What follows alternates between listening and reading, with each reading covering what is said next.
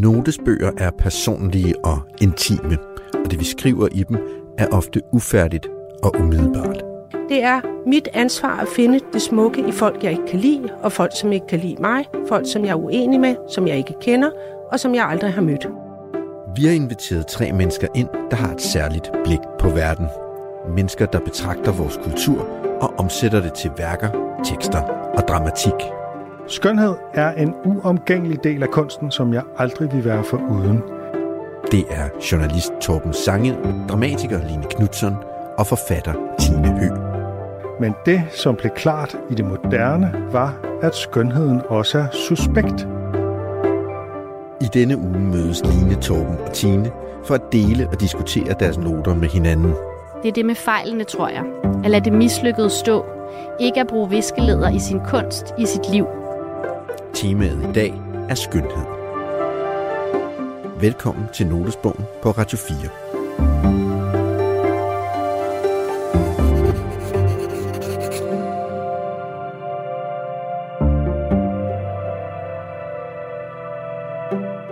Hej Tina og Line. Hej, Torben. Hej, rimer Ja, faktisk.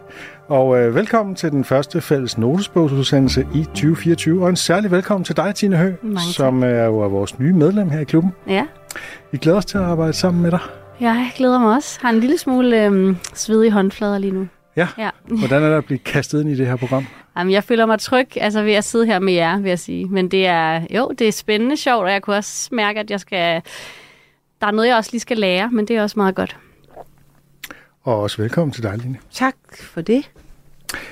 Vi skal tale om skønhed i dag, og det er et virkelig spændende tema, synes jeg. Øh, Vi har hver en note med, som de andre ikke kender. Det er jo konceptet, og øh, i dag er det dig, Line, der skal begynde. Okay. Ja, jeg har været derhjemme, og så har jeg skrevet min note, og den kommer her. Den lyder sådan her. Jeg har ret stærke meninger om, hvad jeg synes er kønt, smukt, dejligt at se på. Altså ting, møbler, huse, genstande.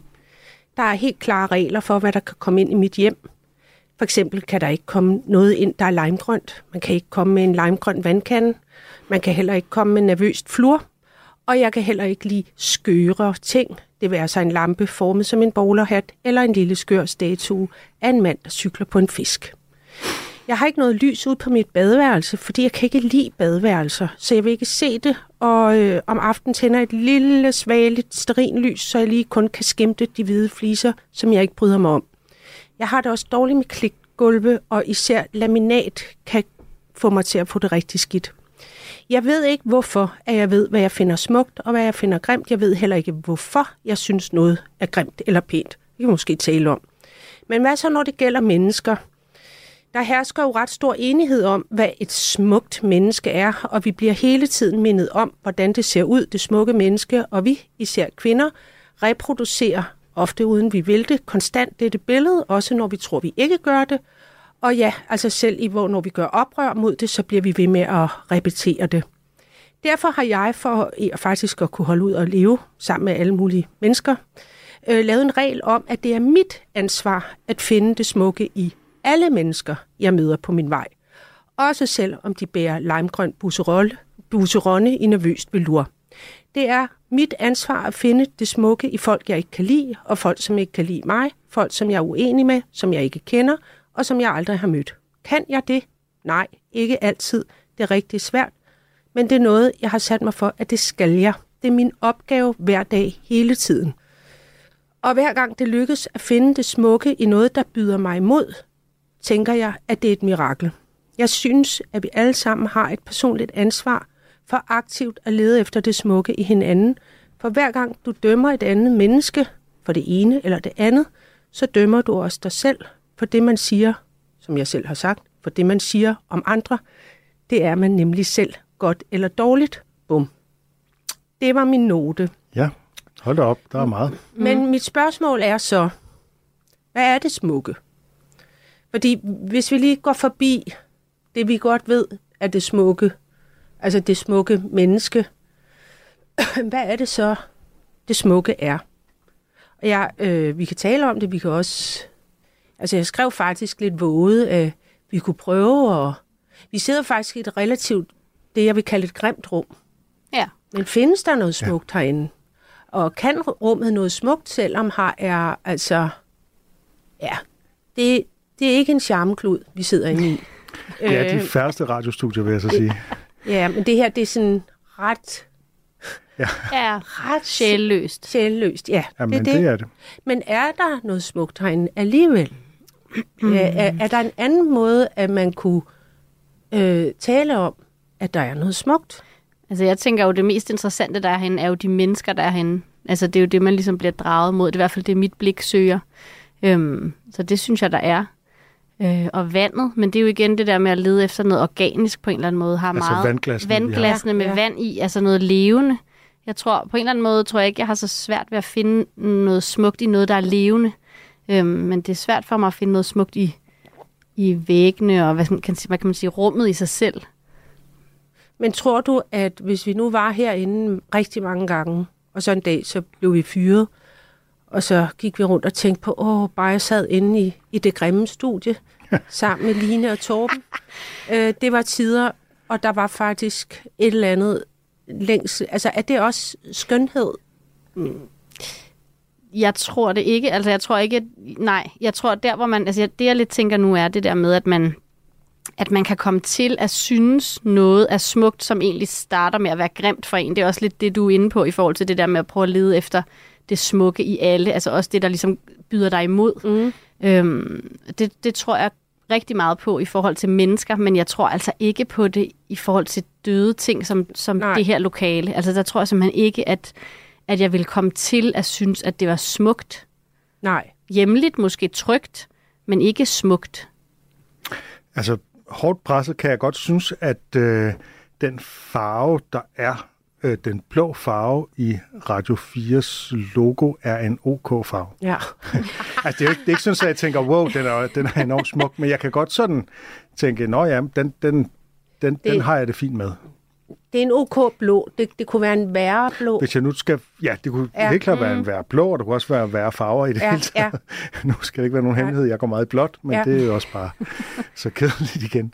Men, øh, men øh, der, er sådan, hvis jeg sådan hårdt pres ligesom skal finde et eller andet, som er sådan det pæneste herinde, så, Ja. ja. så falder det faktisk på, på logoet bag ved dig, Line, Okay. øh, som er, altså er Radio 4's logo. Nu kan lytterne kan jo ikke se det, men øh, de kan jo øh, forestille sig, hvordan Radio 4's logo ser ud, fordi mm. det...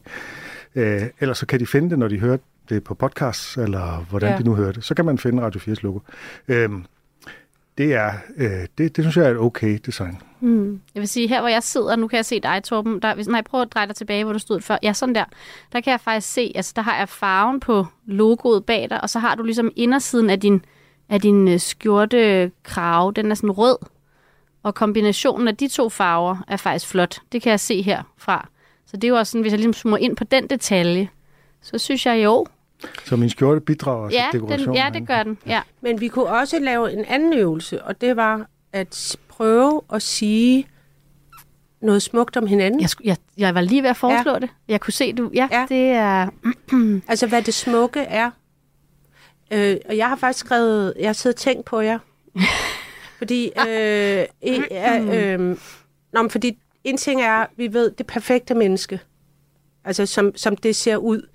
Og, jeg, og, altså, og den, nu tænker jeg, kan jo, tænker jo selvfølgelig meget på noget med kvinder, ikke? At, mm. at, at vi siger, ved hvor er hun smuk. Hun er meget, meget smuk. Det er en meget, meget, meget smuk kvinde. Og, og tit handler det om en, en 23-årig kvi, ung kvinde, øh, for det er ligesom om, vi kvinder, vi har sådan et vindue på en måske to-tre måneder i vores liv, hvor vi er, altså sådan ligner, altså jeg ved ikke hvad. Altså sindssygt smukke. Ja, det er ja, sandt. altså set ud fra det, der er sådan en, der har vi tre måneder, hvor vi piker, og så begynder vi at, at overgå i noget andet. Men det er de tre måneder, alt fokuserer på om, omkring kvinder. Selv når vi bliver 70, så er det stadig det, de der, lige de der uger engang i ungdommen, som var de store uger, ikke? Mm. Øh, som vi bliver ved med at sammenligne os med. Ikke? Og derfor, øh, men jeg har tænkt i weekenden over, at jeg synes, det er et meget, at vi har ikke et, så udviklet et sprog om, om, om det at være smuk. Øh, altså, fordi det strander meget på de der billeder. Forstår I, hvad Altså, jeg mener? nej, ikke helt. altså, øh, at, at vi er enige om, at nogle bestemte, nogen Kim Kardashian, eller hvad fanden, nu kan det jo være alt muligt, ikke? Men, men, men øh, at det er, ej, hun er meget, hun er flot, hun er smuk. Øh. Men du tænker dig, men, men hvordan? Altså det der ja, med et sprog hvad, for, hvor, jamen, hvorfor? Hvad, hvad er det? Altså, ja, fordi det kan vi godt se, hun er perfekt, øh, altså kurver, og, altså i, i forhold til det, der er skønhedsidealet lige nu, ikke? Men hvis vi lige skubber det væk og siger, er der en anden måde, hvor vi kunne for eksempel komme hvad hedder det, give hinanden komprom nej, komplimenter. komplimenter, der var ordet. Øh, altså, eller kigge på øh, noget, det skønne i hinanden. Altså, det sprog. Ja. Jeg prøvede selv at sidde derhjemme, og så skrev jeg selv lidt hjælpeløst. Altså, det vil jeg gerne, fordi jeg, jeg, jeg har brug for hjælp til at udvikle et øh, sprog omkring det. Øh, så jeg, hvad, hvad er det smukke ved Torben? Nå, men udover, altså fordi så kan jeg straks sige, udover du er en flot fyr og flot fuldskæg, men hvad er det smukke? M- meget levende øjne. Øhm, og når du smiler, nu sidder du og smiler, sådan, så kommer der ligesom... Jeg rødmer. Ja, kommer der sådan, ja, smilerynker, som ligesom, ja, som lyser ansigtet op. Jeg synes, du har meget levende øjne. Ja. ja. Så synes jeg også, at noget meget smukt ved Torben, og det er jo lytterne skal lige vide, det er jo ikke sådan, at vi, vi sidder øh, og kender hinanden specielt godt, men sådan den umiddelbare sådan, fornemmelse af Torben er, at, og som jeg synes er noget meget smukt, det er, at han er en meget, meget, meget, meget, meget venligt menneske. Og det synes jeg, der er en stor skønhed i venlighed. Altså sådan et mildt og venligt menneske med sådan en, og så har han sådan en øh, tilbageholdenhed, som ikke er øh, drevet af ængstelighed men mere af at ville give plads også til andre i rummet, som er sådan øh, en, en måde at kunne give plads på, som jeg også synes er noget meget, et meget smukt menneskeligt træk, egentlig taget. Det er jeg meget enig i. Der er du inde på noget indre, men, men det er på en eller anden måde også svært ja. at skille ad. Jamen, det vælter jo ud Jamen, så op er, i ja, Torbens øjne, ja, jeg tror, det er det, der øh, også... og ud i skægget ja, sidder venligheden ja. som klister på ham. Det er en form for aura, man kan mærke. Som, ja. ja. Jeg er meget enig, selvom jeg, det er kun anden gang, jeg møder Torben, men ja. jeg, øh, ja, jeg er enig. Men han er, nu har jeg mødt ham en del gange, og så havde jeg faktisk så tænkt, jeg, hvis, om man kunne sige, altså det er bare lidt barnligt, hvis han var en ret, hvad han så var. Og der øh, er jeg, men det kan godt være, fordi han engang har sagt, at han har lavet en gryderet, men han er virkelig, virkelig en noget, der har simret. Noget, der har stået og simret. Ja, ja, ja, og der er blevet slagt ja. så meget. Han er startet klokken 7 ja. om morgenen, og så er han en, en, en bøf stroganoff, sådan rigtig lækker ind, hvor Med man bare god, god kvalitet. græder og glæder ja. over at spise det. Ja. Det er Torben Sange. Helt, helt mør. Oplever du som det her, som at du får nogle komplimenter, og jeg ser, ser noget smukt i dig? Jeg, jeg, jeg er rørt, og jeg får det også virkelig varmt. Uh, jeg, jeg er ja, helt varm lige nu. Gryde, altså, kæmpe det er gryderet. Helt, ja. Utilpas, eller, eller nej, er det okay? Nej, lidt, lidt for lejen, ikke? Uh, som man jo tit bliver, når man får komplimenter på den der måde, men jeg synes, det er, jeg synes virkelig, det er smukt sagt, Line. Altså, jeg er virkelig ja. glad for det, du siger. Uh, for det er ikke det er ikke som sådan en, en hurtig kompliment, man lige sådan, det, det er noget, du har tænkt over, og ja. det, som du altså, formulerer på en måde, så jeg bliver, ja, jeg er virkelig glad og øh, rørt. Men det er jo det der med at sanse andre. Altså sådan, og jeg har og Tine, der har jeg jo kun mødt måske to gange. Ja. Vi har engang været sammen til et Luciana arrangement, og så var vi sammen forleden til noget fotoshoot, ikke? Jo. Og der, så jeg kender dig ikke så godt. Jeg sidder med et billede længe og prøvede at ikke bare øh, se dig, men sanse dig. Hvad, hvad, hvad kommer der ud af Tine? Ikke? Og så har jeg skrevet nogle stikord. Nej, jeg er spændt. Et mm, sødme, meget noget med sødme fyld. Og du er et rigtig flot kirsebær. Du er faktisk et af de flotteste kirsebær på ret stort kirsebærtræ, men der hænger du. Og, og så har du et blik, der søger kontakt som rigtig gerne vil kontakt. Og så har jeg tænkt, at du er i rigtig god kontakt med livets overflader på en dyb måde. Du kan ligesom se øh, alle mulige overfladestrukturer, men du har fat i dem. Det er lidt abstrakt, det er jeg heller ikke helt færdig med at tænke på over, hvad det betyder. Og så har jeg også skrevet en lidt lallende sætning, der hedder Alt muligt halløj på en sommerdag, der larmer og spræller ungdom. Ui, nu bliver jeg også Hvordan helt- føles det, Tine?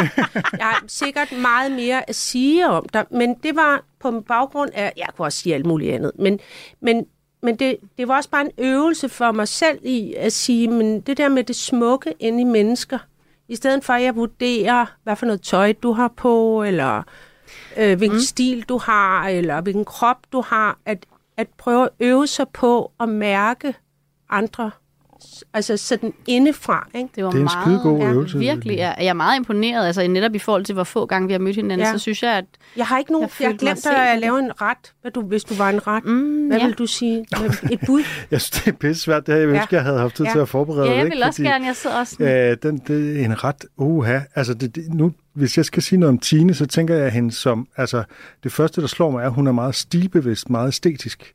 Øh, og hendes øh, ovale, meget ovale hovedform er også sådan, ligesom, øh, øh, næsten sådan øh, øh, en, en, en stil i sig selv, eller sådan noget. Ikke? Så meget, meget distinkt, øh, distinkt stil, så jeg ved ikke, hvilken madret det vil være. Øh, en dessert måske? Ja. Jeg tror, vi er ude i en dessert. Men må jeg godt lige sige her, fordi ja. hvis øvelsen er, at vi ligesom prøver at... at altså, det er jo rigtigt, hun er stilbevidst, men det var faktisk noget, jeg prøvede at undgå Ja. at snakke om ved et menneske, for det ville det være det første at sige, at hun er så smart i tøjet, hun kommer altid med rød Men. Line, det er også ja. derfor, jeg siger, at jeg gerne Ja. vil have forberedt Ja. mig, fordi Ja. det jeg har Ja. virkelig ikke Nej, øh, nej, sådan, øh, nej. studeret Tine men- på den nej, måde. det forstår jeg, og jeg, og jeg ved godt, nu Så, nævner så derfor jeg sagde jeg også bare, at det er det, der ligesom Ja, springer i øjnene. Ja, Øh, og jeg tror, jeg tror, jeg er også nødt til at, at møde dig nogle flere gange, Tine, for sådan for alvor at kunne beskrive beskrive dig også din karakter og sådan noget, ikke? For jeg synes lige, jeg har mødt dig. og ja, sådan. men det har du også. Ja, ja, men, men Torben, det, er også, altså, det var også bare... Jeg har jo lige haft øh,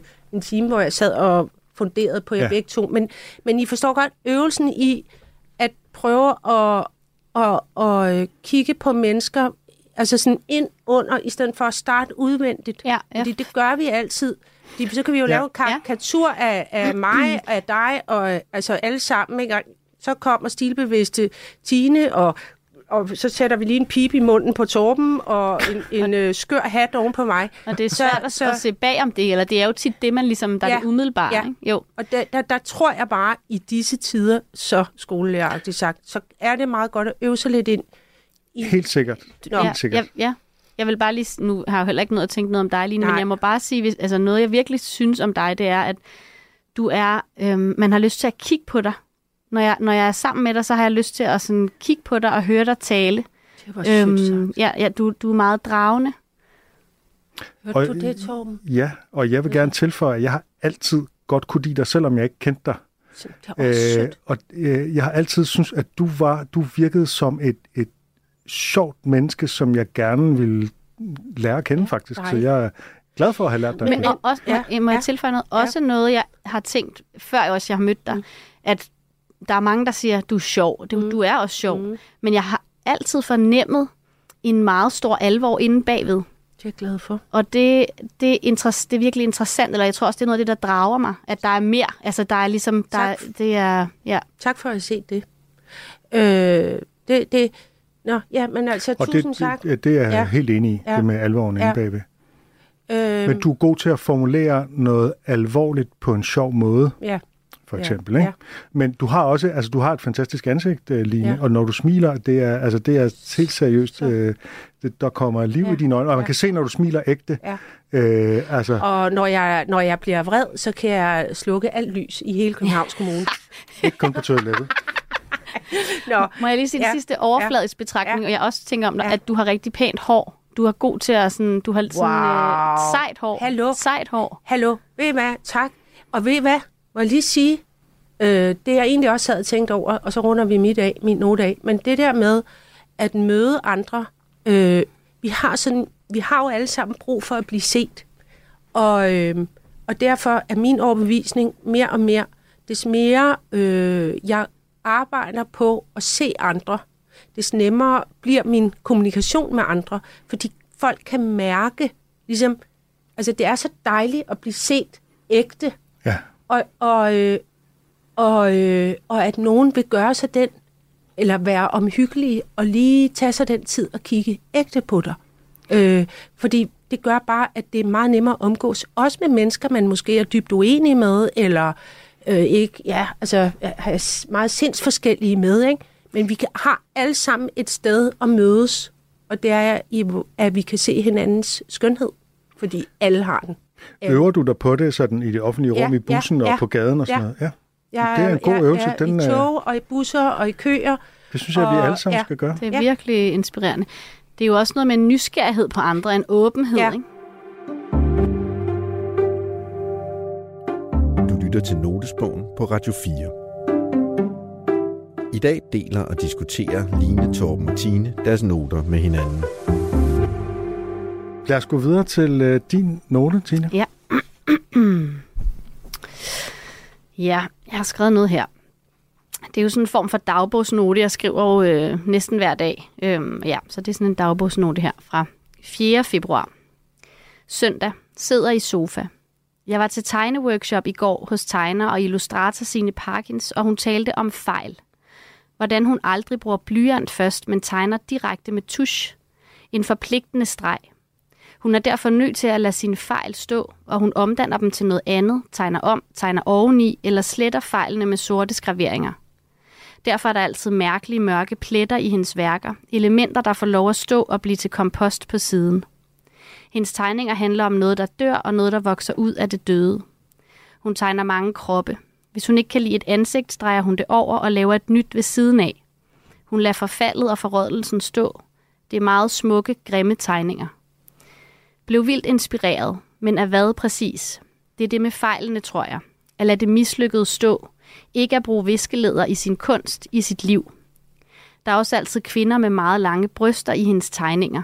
6, 8, 10, en slags ekstra ben. Det kan jeg godt lide. Blev lidt betaget af sine, ville gerne have, at hun skulle rose mine tegninger, blive fremhævet af læreren. Kan man behandle sin krop, som hun behandler sine tegninger? En nænsomhed ved det mislykkede, dvæle ved forfaldet, virkelig sidde og nørde med grimheden. Mm.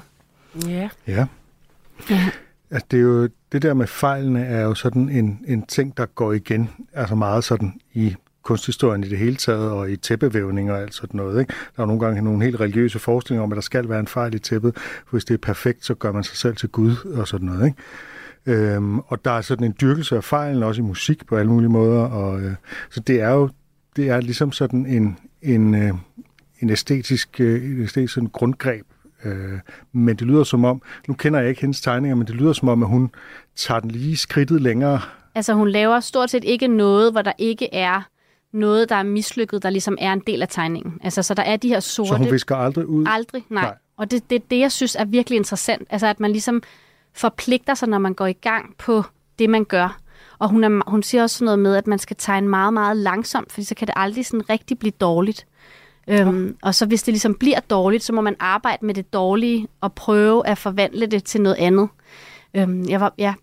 Og jeg tænker egentlig lidt i forhold til, eller det er også lidt i forhold til noget, der var i din note, som også handlede om det der med, med ungdommen, eller det der med, hvad er det, vi, vi vurderer som smukt, sådan umiddelbart, og det vi ligesom, det har været det unge, ikke? Mm. Øhm, og noget af det, hun også arbejder meget med, er også nogle kroppe, der er noget helt andet end det, altså som ligesom er gamle og øh, i forfald, men hun gør sig enormt umage med det forfald. Altså, og der er et eller andet ved den umage, som gør, at det bliver smukt, selvom det er ikke smukt i forhold til, hvad vi normalt tænker er smukt.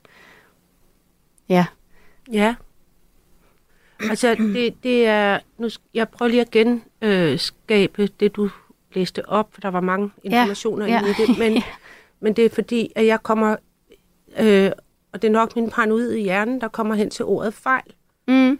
Øh, fordi, øh, og der, nu undskyld Torben, men nu kommer vi ind i det med kvinder igen, men ah, det er jo et, et jadet vildt det skal du ikke for undskylde. det her. Ikke? Øh, og og der, der er så mange måder at snakke om det med kvinders kroppe på, og øh, for eksempel er sådan, øh, siger man blandt skuespillere og sådan noget, at hende der, hun tør være grim. Ja. Og, og der er noget sprogligt der, hvor at man klemmer selv for sin egen finger i klemme, mens man prøver at gøre noget, fordi så har du jo sagt, at det er for eksempel at ikke have make op på, det er grimt. Mm. Eller jeg stod lige sådan faktisk i morges og tænkte, fuck, og nu siger det bare i radioen, det er jo lige meget. Men jeg skulle da have fået hængepatter. Altså, nu, har, nu er det sgu. Altså, jeg ved simpelthen ikke, hvad jeg pludselig så, at de simpelthen blevet altså, så lange, Ja. ja. så jeg ved simpelthen ikke, hvad, hvordan, hvornår det er sket. Øh, og, øh, og det er jo noget, vi driller helt vildt meget. Så, så nu øh, og, har jeg det drillbare på mig. Øh, fejlen, Men ja, fordi det, det, det er fejlagt. Det er en fejl. Ja, nej, Nej, jamen, jeg, jeg forstår fuldstændig, ja.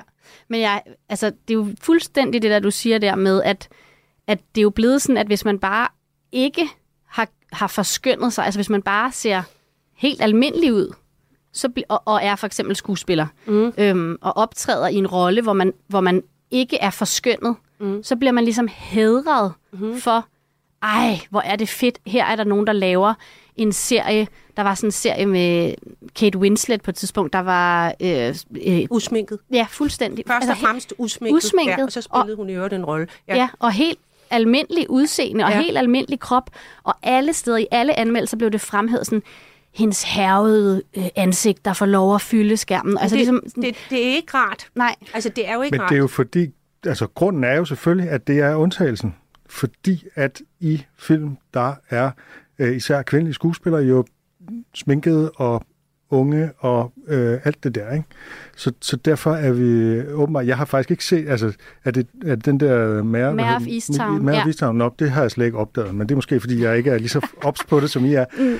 Øh, altså opdaget, at der blev skrevet om det, eller egentlig tænkt, at hun var øh, særligt usminket eller sådan noget. Øh, nu er jeg også meget stor Kate Winslet-fan i det hele taget, så hun kan nærmest se ud, hvordan det skal være, så synes jeg, hun er smuk. Men, øh, men, men jeg tror, det er simpelthen er fordi, at der er den der... Øh, øh, altså, at traditionelt set, så har øh, kvinder i film og tv-serier skulle være meget være eye candy, ikke? Mm. Øhm, og derfor er der jo tit, at det er jo sådan en helt konkret ting for skuespillere, min kæreste er kvindelig skuespiller, øh, at øh, når kvinder når en vis alder, så bliver roller, som egentlig øh, burde være tiltænkt deres aldersgruppe, de bliver taget af nogen, der er yngre. Mm. Øh, og det kan man altså, det er sådan helt konkret. Altså det, det er helt konkret, at der er en eller anden, om vi forestiller os en 45 en eller anden, lige pludselig så er det en 35-årig skuespiller, der spiller øh, hende og sådan 45. noget. Ikke? Og, og det giver sådan nogle helt forskruede familiekonstellationer, hvor, der, hvor det overhovedet ikke kan lade sig gøre, fordi i virkeligheden så er det en kvinde, Ja. ja. der kun er 10 år ældre, som har en teenage-datter, som er altså en på 35, der altså, det, det vil ikke kunne lade sig gøre sådan fysisk. Det, det er, ja, Men, men der er jo selvfølgelig der er jo ligesom to ting i spil her. Der er det her med, med skønhed, grimhed, og så er der noget med alder, som selvfølgelig er beslægtet med det, men som måske er noget lidt andet. Øhm, Ja, jeg ved ikke, om jeg synes, det er noget andet, fordi jeg tænker, at skønhedsidealet er så inficeret med ungdom. Altså, det er ligesom, det er, der er sådan en, en fetishisme af, i forhold til ungdom. Altså, øh, og, og vi mangler stadigvæk at finde ud af, hvad vi gør med det gamle, eller det aldrende. Altså, både mænd og kvinder, men især kvinder. Øhm, altså, der er nærmest noget stødende ved at være øh, en grim kvinde og en grim gammel kvinde, så er det helt slemt. Ikke? Altså, der, øhm, og ja, jeg synes, vi mangler at finde ud af, hvad gør vi med det? Eller hvad, hvad ja. Jeg tænkte bare også lige, at, for at tage den lidt videre, at, eller problemet er også det der med, at hvis man har været en smuk kvinde, øh, og man for eksempel er skuespiller, og så ligesom bliver ældre, som man jo gør, så er der ligesom ikke rigtig nogen vej at gå, hvor man undgår udskamningen. Nej, Altså, du kan, det du kan gøre, er, at du kan forsøge at fastholde dit ungdomlige udseende ved at blive opereret, ansigtsopereret, og du kan ligesom dyrke din krop, og du kan gøre alle mulige ting, som, som, hvor du illuderer en eller anden form for ungdom. Men, øh, men det bliver du udskammet for. Altså, hvis I tænker på Nicole Kidman mm. for eksempel. Ikke? Altså, hvor mange kommentarer er der ikke på hendes øh, ansigtsoperationer, og, øhm, og så kan du gøre det andet, som er, at du ligesom lader lad det stå til og ikke gøre noget. Det men, men det bliver du også hånet Ja, for. ja. Så der er ligesom... men okay, men, men så er vi lige nødt til at tale om, hvem er det så, der håner? Øh, fordi hvis det er The Hollywood Press, så er de jo altså i, i særklasse ondskabsfulde over for alt, hvad der handler om kvindegruppen. Ikke? Det, jeg tænker, at det er mere end det. Det er alle mennesker. Ja, ikke alle mennesker, men Jamen, det, altså, det er... jeg, jeg har aldrig set øh, øh, Gita Nørby blive udskammet for sit udseende nogensinde. Og hun er altså Nej. over 80. Ja. Mm, ja, det er selvfølgelig rigtigt. Så, så Men, jeg, jeg, jeg, jeg kan bare ikke... Ja, det, jeg reagerer på, det er, at jeg genkender ikke det der med, at så bliver man udskammet, fordi man så bliver ældre nødvendigvis. Altså, Ej, men alligevel, hvis du tænker på... Øh, nej, det, det er så igen selvfølgelig en form for... Det er pressen jo, men altså anmeldelser, altså for eksempel også musikere, kvindelige musikere, måden man taler om øh, ældre kvindelige musikere, der er i anmeldelser af deres koncerter for eksempel, er det tit, at der kommer kommentarer om måden, de ser ud på, at det ligesom på en eller anden måde er viklet ind i vurderingen af det, de laver, på en anden måde, end jeg tænker, det gør sig gældende for og mænd. der vil Thomas Treve og andre jo så forsvare det med, at det er fordi, at de har øh, skabt sig en karriere, blandt andet på deres udseende, de har spillet på deres udseende, og nu, øh, så derfor så har de også ligesom selv lagt op til det. -agtigt. Jeg siger ikke, det er rigtigt, jeg siger Nej. bare, at det er modargumentet i Må jeg den godt lige spørge Tine om noget, mm? som du måske... Fordi du er lige jo noget yngre end mig, kan vi lige så godt indrømme. øh, og der er noget, du måske kan hjælpe mig med at forstå, og det er... Altså, jeg ved godt, det er lidt øh, sent, jeg kommer ind med det her øh, i tiden, og det var et, alt det der på et tidspunkt, der var det, der hed fjerdebølge feminister, og rigtig mange unge kvinder, som er feminister, men som øh, ligesom tager, øh, altså er meget øh, næsten paudier på, hvordan kvinde, det gamle kvindebillede ser ud. Altså, jeg ved ikke, jeg har ikke lige de pæne ord i min mund. Der kommer nogle frygtelige ord op i min mund nu, som jeg ikke vil sige højt. Men hvor, man, hvor jeg har meget svært ved at aflæse, øh, altså hvor det er meget eksplicit seksuelt. Øh, se på mig, men det er et oprør.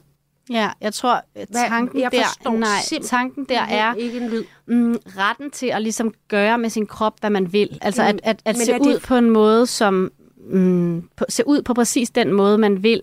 Men er Øhm, det sandt? Er Ja, det, er det det, de vil? Jeg er i tvivl om, om det. Altså De vil også, gerne kunne spille på deres seksualitet, Hvorfor? hvis de har lyst til at blive beundret for, at øh, de ser godt ud, eller de er nøgne, Det eller et de eller andet. men det er lov no, til. men at Ja. det er noget, man på en eller anden måde gør for sin egen skyld, eller noget, som er... At der er en frihed i at få lov at gøre med sin krop fuldstændig, hvad man vil. Jeg tror, det, Ideen, det, det, det, der, der er men- blandt andet nogle teorier om, at, at kvinden ligesom er er et objekt for mandens blik, men nu, tager de ligesom det, nu bliver de seksuelle subjekter, i stedet for at være seksuelle objekter. Altså, Men jeg tager- forstår de bare tager ikke, hvad er, seksualiteten hvad er der egen og friheden? tager blikket tilbage, ja. eller ligesom også, Er at... det ikke bare fis? det kan du mene. Altså, det, nu- det er jo det, der er det- diskussionen ja. derude. Øh, Altså hende der, øh, der var sammen med Kanye West, hende med de store øh, sorte øh, make-up om rundt om, om øjnene, som var meget sådan, gik i sådan noget super mærkeligt tøj. Hun var kortvarigt kæreste med Kanye West. Oh, jeg kan ikke huske, hvad hun hedder. Hun går, de møder op sammen, hvor hun har en kjole på, en sort kjole på, der ender heroppe i halsen med en hånd, der er ved at kvæle hende. Øh, altså, der er syet en kvælningshånd. Jeg tror faktisk, det er et dansk mær- mærke, det der hedder Han. Han. Øh, Copenhagen Han. Hmm. Øh, som en hånd, der vil kvæle, kvæle hende. Så spurgte jeg en yngre mand, hvad, hvad, hvad betyder det? Altså, er, er det hendes underbevidsthed? Faktisk, der har hun fået lavet hendes kjole, har købt en kjole, øh, til at der kan kvæle hende selv. Jamen, det er jo sådan noget med kvælersex. Det er retten, nu kvæler, du kan ikke kvæle mig mere, men jeg kvæler mig selv, mand. Hallo? Altså, hvad fanden, altså, hvad er der rart i at blive kvæle sig selv? ja, det må du jo spørge alle de kvinder derude, der godt kan lide at, at, at, at blive småkvælt under sex. Det er en ting derude, og Men det, hun vil jo ikke engang jeg bryder mig ikke om det. Nej, men hun vil jo ikke engang kvæle sig manden. Hun siger, jeg kvæler fandme mig selv, mand. Se mig, jeg kan kvæle mig selv. I rører ikke min hals, jeg kvæler mig. Altså, er det et oprør, Tine? Ja, Hjælp men mig, jamen, det- hjælp. Bare, du, hvis, du kan ikke... Jeg skal Nej, ikke jeg kan ikke for- ligesom... Men altså, jeg, jeg tænker der jo... Mm, at hvis du ligesom selv sætter dagsordenen, hvis du selv hvis du selv har den hånd, der kan vælge at kvæle, eller række fuck, eller gøre, hvad den vil, så, er det ligesom, så har du ligesom selv magten, så er der ikke nogen andre, der, øhm, der, der pådutter dig noget, men det er noget, der ligesom kommer fra dig selv. Jeg tænker, det er meget det der med, at du, at du ligesom er, du skal være fri til at gøre med din Men- krop, hvad du vil. Men, men ja, jeg forstår... Men, jamen altså, og jeg, og jeg tænker bare, men det er fordi, jeg har sådan en fornemmelse af, at det hele er bluff. Ikke at, at tanken er sådan set fin nok, og initiativerne, og jeg laver min egen kvælerkjole, og jeg laver, jeg viser min røv, og jeg gør, at det, det er fint nok, det er der ingen, der dør af. Men jeg har, jeg tror, folk bliver, jeg tror, vi nar, der bliver narret. Man narrer sig selv. At, altså at dem, der ligesom...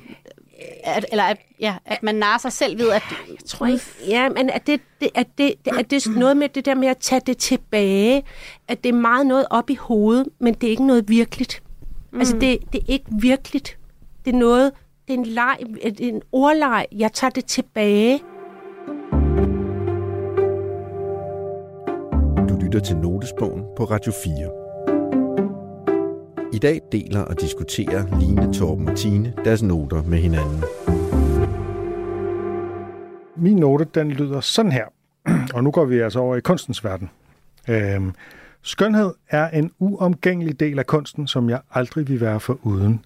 Men det, som blev klart i det moderne, var, at skønheden også er suspekt. Den er forførende, den er distanceblændende, den er løgnagtig og den er dekorativ.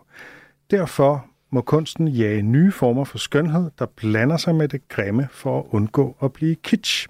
Og den vil jeg gerne uddybe, mm-hmm. og øh, øh, I må gerne spørge til min uddybning bagefter, hvis det er. Jeg skal prøve at gøre det så klart som muligt. Det er en lille smule langhåret. Skønhed, det har været helt afgørende for kunsten i øh, mange århundreder, og i 1700-tallet, der begyndte filosoferne at gøre skønheden til sådan et afgørende begreb i den nye disciplin, der hed æstetik. Og det handlede så, især hos Kant, om at give skønheden nogle særlige filosofiske evner, hvor man oplever noget lystfuldt og behageligt, uden at begære det, og hvor man mærker, at det hele hænger sammen, uden at der er et formål. Altså nogle ting. Men så i slutningen af 1800-tallet, og især begyndelsen af 1900-tallet med modernismen og avantgarden, der reagerer man imod den klassiske idé om skønhed. Og min påstand er, at det er fordi skønheden den er blevet suspekt. Det bliver nemlig mere og mere klart, at skønhed det ikke bare er øhm, noget ophøjet og interesseløst, men at det kan bruges til at manipulere med. Altså man kan manipulere med skønheden. Mm. Derfor bliver den suspekt. Skønheden er forførende, vi bliver grebet af den, og forførelse, det er jo dejligt, men det er ikke uskyldigt. Reklamer, de forfører os for at sælge os noget. Psykopater forfører for at manipulere med os. Politikere forfører os for at få magt osv. Ikke? Og altså, i forhold til det her med politikere, det er jo næsten sådan, at jo mere diktatorisk et regime det er, des mere forførende er deres æstetik. Ikke? Tænk bare mm. på nazismen mm. osv. osv. Man kan nærmest kende et demokrati på, at det ser sådan lidt kedeligt og kommunalt ud. Mm. Øh, skønhed kan være distanceblændende. Øh, man ser noget smukt på afstand, men når man kigger nærmere efter, så er det nogle gange lidt overfladisk.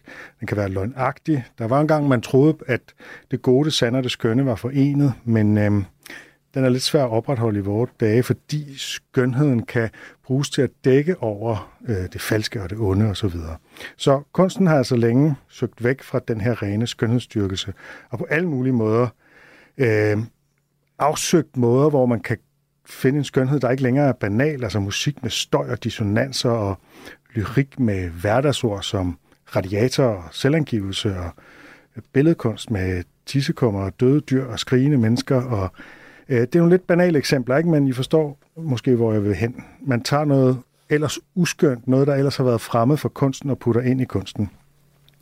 Øh, man kan så sige, at det er en lidt overstået dagsorden, en 20. århundrede-agtig måde at tænke på, men jeg vil mene, det stadig gælder, i hvert fald den her sensibilitet over for, at skønheden er suspekt, og derfor så skal skønheden som regel have et twist. Den kan sjældent stå helt rent, men nogle gange, når den kan det, så kan det være helt fantastisk. Giver det mening? Hvad, hvad tænker I? Ja, ja, jeg ved ikke, jeg tror, jeg, det jeg tænker lidt over er, altså, der er det lidt som om, at, eller, at skønheden ligesom så bliver en form for skjul for noget ondt, der ligger nedenunder. Eller forstår du? Altså, jeg siger, at den kan være ja, det. Ja, mm, ja, jo. Men er der... Men, den forførende psykopat, mm, for eksempel. Ja, jo, jo, jo. Ja, altså jeg, jeg sidder lige og tænker på, hvordan... Eller nazismens øh, flotte hyldest af den, den perfekte krop og de, mm. alt sådan noget. Mm. Hele Nordkorea er jo, dækker jo over en... Men, en men så er det jo... Øh, altså, der, at, men kan vi blive enige om, at der er Øh, altså når noget fører til, altså når man dækker over noget med noget skønhed, ligesom man jo gør i dag, og man opererer, og man fjerner, og man gør alt muligt, så ophører det jo med at være smukt. Altså det, det er jo også noget med, at vi skal være enige om, hvordan vi bruger ordet. Hvad er smukt? Og hvis vi siger, at øh, nogen, der er meget opereret, at det er meget, det er meget, meget smukt, eller nazismen og æstetikken i, i arkitekturen. Det var sådan meget, meget smukt. Men det blev brugt i, det, i, en, i, en, i en lortetjeneste. Så det er ikke smukt. Altså, det er uhyggeligt. Nej, men jeg bruger mm. bevidst ordet skønt ja. og ikke smukt, ja, okay. jeg tror, det er to ja, forskellige også, ting. Jeg tænker nemlig også, ja. øh, to... Skønhed er dyrkelsen ja. af en æstetisk ja. effekt, kan man ja. sige. Ikke? Mm. Nu forstår jeg. Undskyld. Ja, fordi jeg tænker egentlig, at i dyrkelsen ja. af det smukke, altså at der også er noget jeg kan, det kan jeg egentlig godt lide, det der med at kunne hengive sig til noget, fordi det er smukt, altså ligesom du også var inde på, mm. omgive sig med smukke ting, altså mm. hvor der ikke er anden mening med det, end at det, er, det er smukt, det er smukt og, ja. og, og, og det kan vi godt lide, eller det er rart, og det er, det er, der er også noget livgivende i det, eller noget øh, livsbekræftende i det, i det smukke. Øhm, ja, uden at skulle lede efter noget under det, eller sådan, at det ligesom har dybde i sig selv. Jeg ved ikke, om I Ja, ja altså når, når jeg taler om kunsten, så er det fordi, at, at man måske forventer lidt mere af kunst end af design, nemlig det, at der er en dybde.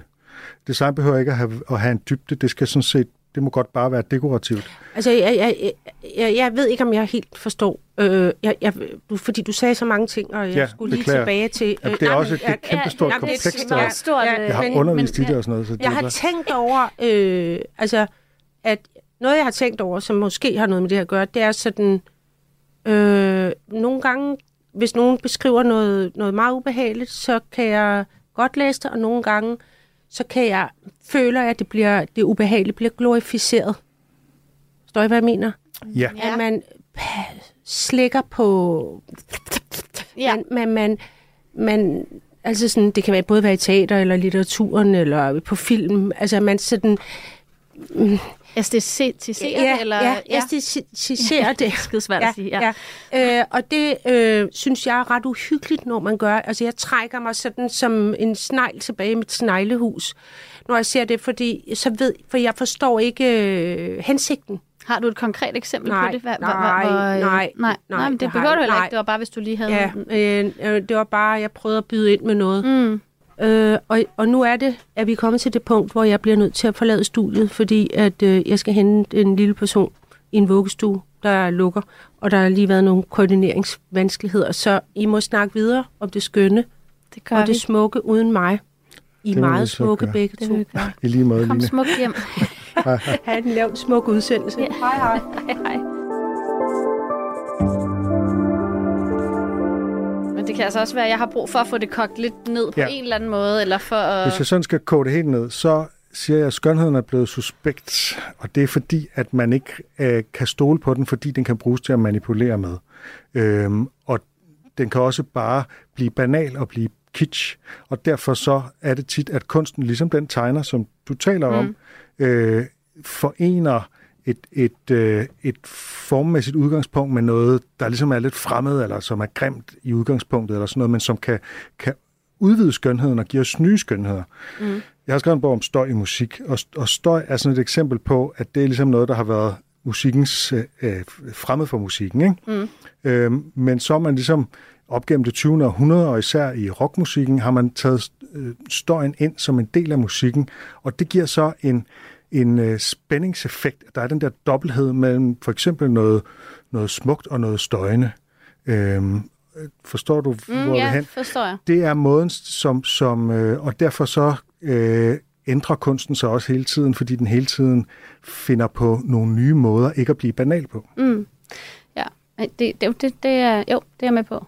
Men er det bare lige for, altså før i tiden har det ligesom været eller at, har det aldrig, eller har det ikke været sådan til at starte med? At, jo, altså, men man har ikke været er, bevidst, ligesom er... man har ikke gjort det bevidst. Altså, kunsten har jo ændret sig fra øh, antikken til i dag, ikke? men man har hele tiden troet, at man øh, gik efter det evigt skønne, at der mm, ligesom var, var noget skønne. Så i renaissancen, der, ja, der er et centralt perspektiv, symmetri, ja. du ved, ikke? Øhm, og det har man så ligesom tænkt, det er det evigt gyldigt skønne. Mm. Øh, man har ikke tænkt, øh, og om 100 år, så er det noget andet, de går efter, fordi de, de kunne ikke forudse barokken, vel? Nej, Og klart. sådan er det ligesom bare. Mm. Jo.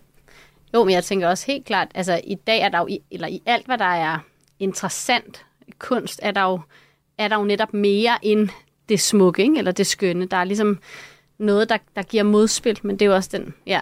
Med meget få undtagelser, så synes jeg, at, at uh, kunst, der bare er skøn og lækker, bliver meget hurtigt kedelig. Mm, men er det så overhovedet kunst, kan man også sige? Altså hvis ikke jo, der men... er mm, andet end, end men, det, men igen, det er svært det der med det skønne og det smukke, fordi der, det er også som om, så taler man ligesom om, at det er en ren, at det er ren overflade, ikke? eller sådan at, at hmm. Det er i hvert fald øh, på en eller anden måde, at det, skønhed er forbundet med harmoni og orden og øh, pænhed og sådan hmm. nogle ting. Ikke? Men det er derfor, jeg tror også, tror, det er vigtigt, men det var du også inde på, at skelne mellem det smukke og det skønne. Altså fordi netop det, det, det er det skønne, men det smukke, det er jo et pisse svært begreb, fordi det, der, det smukke kan jo også være noget, der ikke er harmonisk, noget, der ikke er... Ja. Øhm, der netop indeholder modstridende elementer, eller det er jo i hvert fald for mig, det, det ægte smukke er jo noget, der også er interessant. Øhm, og det, der ligesom kun er skønt eller harmonisk, er, mm. bliver meget hurtigt uinteressant. Men der, der er vi sådan set enige. Og man kan så, altså, det, nu bliver det meget abstrakt her. Jeg tror, ja. det skal være lidt konkret, ja, ikke? Fordi det være, det godt. øh, vi kommer lige nu til også at tale om det sublime og sådan noget, som, som det smukke nogle gange kan høre til og alt sådan noget. Men altså, øh, der er, for eksempel er der en komponist, der hedder Arvo Pärt. Kender du ham? Nej. Okay, men han laver meget enkel, meget, meget smuk øh, religiøs musik. En estisk komponist, øh, som jeg faktisk kan... Det er en af de få, hvor jeg tænker, det er helt okay, at det bare er ren sådan... Der, det skal ikke, der skal ikke, det skal ikke krasse på nogen som helst måde. Du skal ikke, du skal ikke forstyrres i din... Der er et eller andet, han formår på en eller anden måde at tale til et eller andet i mig, i hvert fald i nogle af sine værker, hvor jeg tænker, her behøver, det, behøver der ikke at være andet. Her kan jeg ligesom bare være og være fuldstændig. Men hvis jeg hører noget New Age-musik, som for mange vil være i samme, øh, samme område, rent musikalsk, nemlig meget enkelt, meget harmonisk, øh, Øh, så kan jeg øh, ret hurtigt synes, at øh, det, er noget, det er noget værd. Og, og så er det store spørgsmål, som vi ikke får besvaret i dag, fordi det har jeg i hvert fald heller ikke svaret på, nemlig hvad er det så, der gør forskellen? Hvordan kan det være, at nogen kan lave noget, som ikke bliver kitsch, som ikke lyder banalt, selvom at det er super, super enkelt? Det, det tænker jeg, nu har jeg lige læst øhm, en digtsamling, jeg er totalt fascineret af lige nu, øhm, som hedder Engle, af en ung digter, der hedder Sebastian Nathan, øh, som er, på en eller anden måde, er de her digte totalt banale. Og når jeg ligesom sidder og læser dem, så er jeg også sådan, jeg forstår ikke, hvorfor det giver, jeg forstår faktisk ikke, hvorfor det her lykkes, fordi det er banalt på mange måder. Øhm, og, og, og også bare det her med at kalde det engle, at man ligesom tager det her altså sådan 80'er øh, symbol og, og sætter på forsiden med kæmpe typer og lader det gå igennem sådan hele digtsamlingen. Som, øh, på en eller anden måde er der noget, der netop godt kunne blive kitsch eller blive, blive øhm, ja, banalt, men det er det ikke. Det er helt det modsatte. Altså det er totalt dirrende og bevægende og rørende og mega enkelt, men alligevel med, med et eller andet andet i. Øhm, og det, men det er jo, på en måde er det jo også lidt ligesom, eh, der er faktisk også noget poppet over hans digte, og det er jo lidt ligesom en, en god popsang, altså, som netop også har den samme kvalitet, at det er hmm, på en eller anden måde så enkelt, at det ikke burde lykkes, men, men så lykkes det, og så bliver det noget mere end det.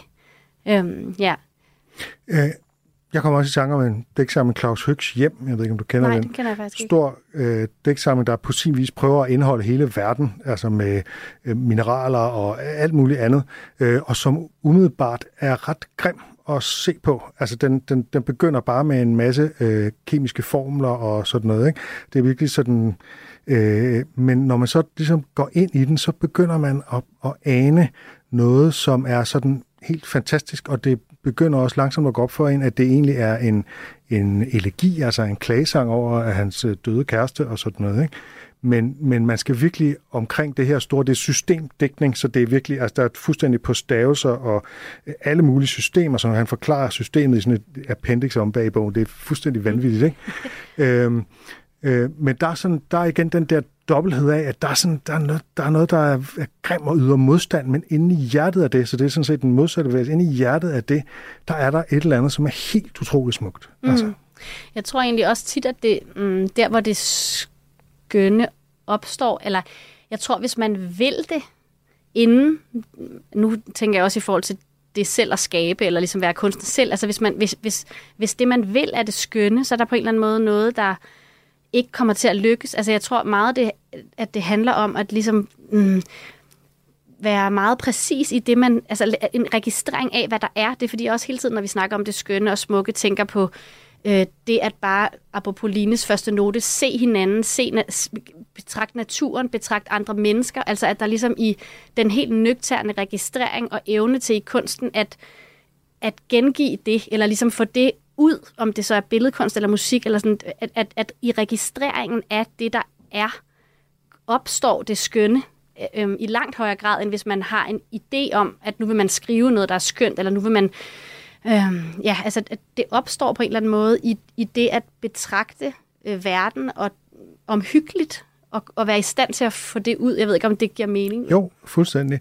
Og at øh, faktisk at, at give kunsten den samme chance, som vi nu skal give andre mennesker, når vi kigger på dem, nemlig ved at og hele tiden åbne os for, kan der være et eller andet i det her musik, som vi synes lyder mærkeligt, eller det her digt, der ser mærkeligt ud, eller hvad det nu er, øh, og sådan åbne os øh, for at kunne få den der erfaring af, at det kunne være, der var en skønhed, som bare var fremmed for mig, fordi det ikke var en, jeg kendte i forvejen, og at den så netop kan være så meget desto mere interessant, tit vil det vise sig, at der ikke er noget, men man skal jo i princippet, og nu siger jeg i princippet, for jeg lever ikke selv op til det altid, vel? men i princippet skal man jo høre et nummer 5-10 gange, før man kan vurdere det, Ja. øh, hvis vi taler musik. Ikke?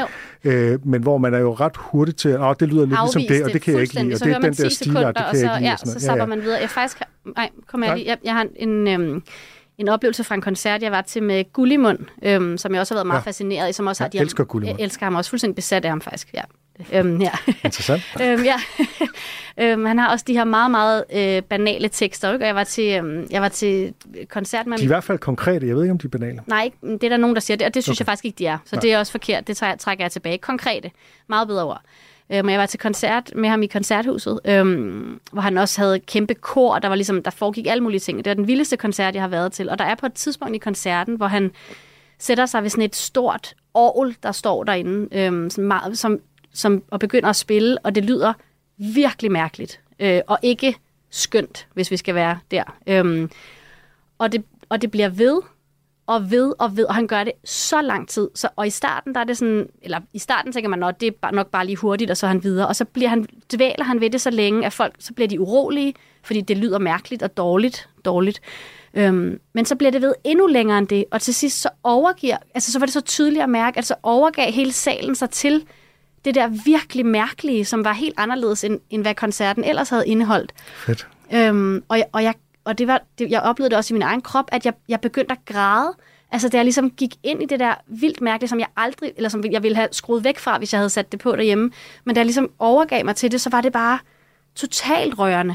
Øhm, og, og på en måde højdepunktet, eller et af højdepunkterne ved den koncert, øhm, som netop jo også var en eller anden, ah, noget, der, der ikke var let tilgængeligt, eller som, men hvor det at, give, at blive ved med at være i det uskønne, blev på en måde det allerstørste ved den oplevelse. Og det er netop det, at der kan komme nogle fantastiske erfaringer, når man åbner sig for et eller andet, man ikke troede var godt, eller man ikke troede, man kunne lide, fordi det øh, umiddelbart gnider en den forkerte vej, eller sådan noget. Ikke? Øhm, jeg vil gerne slutte af med at øh, øh, læse et meget kort digt af Søren Ulrik Thomsen, der på en eller anden måde handler om det her, der handler om, hvorfor hans digte ikke bare kan være skønne. Det lyder sådan her. Når jeg bliver dygtig nok, ved at skrive et digt, der starter så tøvende og toner så usikkert ud, som et første og sidste kærtegn. Indtil da må det smelle som et pisk over nakken. Øhm, Ja, det, ja, nu får jeg lyst til at sige, at jeg faktisk synes lige præcis som Søren Ulrik Thomsen, at der leder jeg tit efter noget, der, er, der giver mig modstand. Jeg synes nogle gange, at det faktisk bliver det, han siger, han ikke vil gøre. Men det, kan vi, Okay, okay, det må ja. vi åbne i, det må vi åbne det i må, et andet øh, vi, program. må, vi må hive ham herind og sige, hvorfor er du nogle gange Ja. så skøn? Ja. øhm, tak, Tine. Jeg kan ikke takke Line, fordi hun er gået, men øhm, jeg synes, det har, vi er kommet vidt omkring, og vi har egentlig bare åbnet et bal, der egentlig kunne blive til mange forskellige programmer om øh, skønne personer, om hvordan vi kigger på hinanden, om øh, ungdomsstyrkelse, om kunst og altså Ja, ja, vi er- design for så vidt også, boligindretning. Jeg ved ja, ikke, hvad, der er virkelig ikke mange. gør. Ja, ja. Så lad os bare sige, at det her det er en måde at åbne et skønhedsbal på, som, hvor vi så kan samle detaljer op øh, sidenhen. Jeg glæder mig meget til igen skulle ses. Ha' en rigtig skøn dag. Du har lyttet til Notesbogen på Radio 4. I dag var det journalist Torben Sange, dramatiker Line Knudsen og forfatter Tine Hø, som delte deres noter med hinanden. I næste uge er det Torben Sange, som åbner sin notesbog. Hvad er et godt spørgsmål? Ja, det er faktisk et godt spørgsmål. Eller er det? Apropos notesbog, så, øh, så, så tog jeg simpelthen en morgen, og mens mine børn stadig var relativt små, sådan en typisk morgen i en børnefamilie, ikke? Hvor, øh, hvor alle skal ud af døren inden for, fra de vågner til de er ude af døren, går der cirka 50 minutter. Ikke? Det jeg egentlig gjorde den morgen, det var at notere alle de spørgsmål, der blev stillet. Øhm, dels hvor mange. 141 synes jeg er mange på 50 minutter. Det er det. Øh, også flere, end jeg ville have gættet på, end jeg tror, at mange familier er opmærksomme på, hvor tit vi stiller spørgsmål. Men også finde ud af, hvad bruger vi spørgsmål til?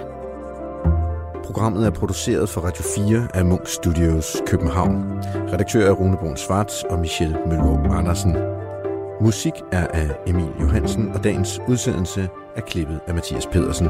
Husk, at du kan finde alle tidligere programmer af Notesbogen i din podcast-app. Tak fordi du lyttede med.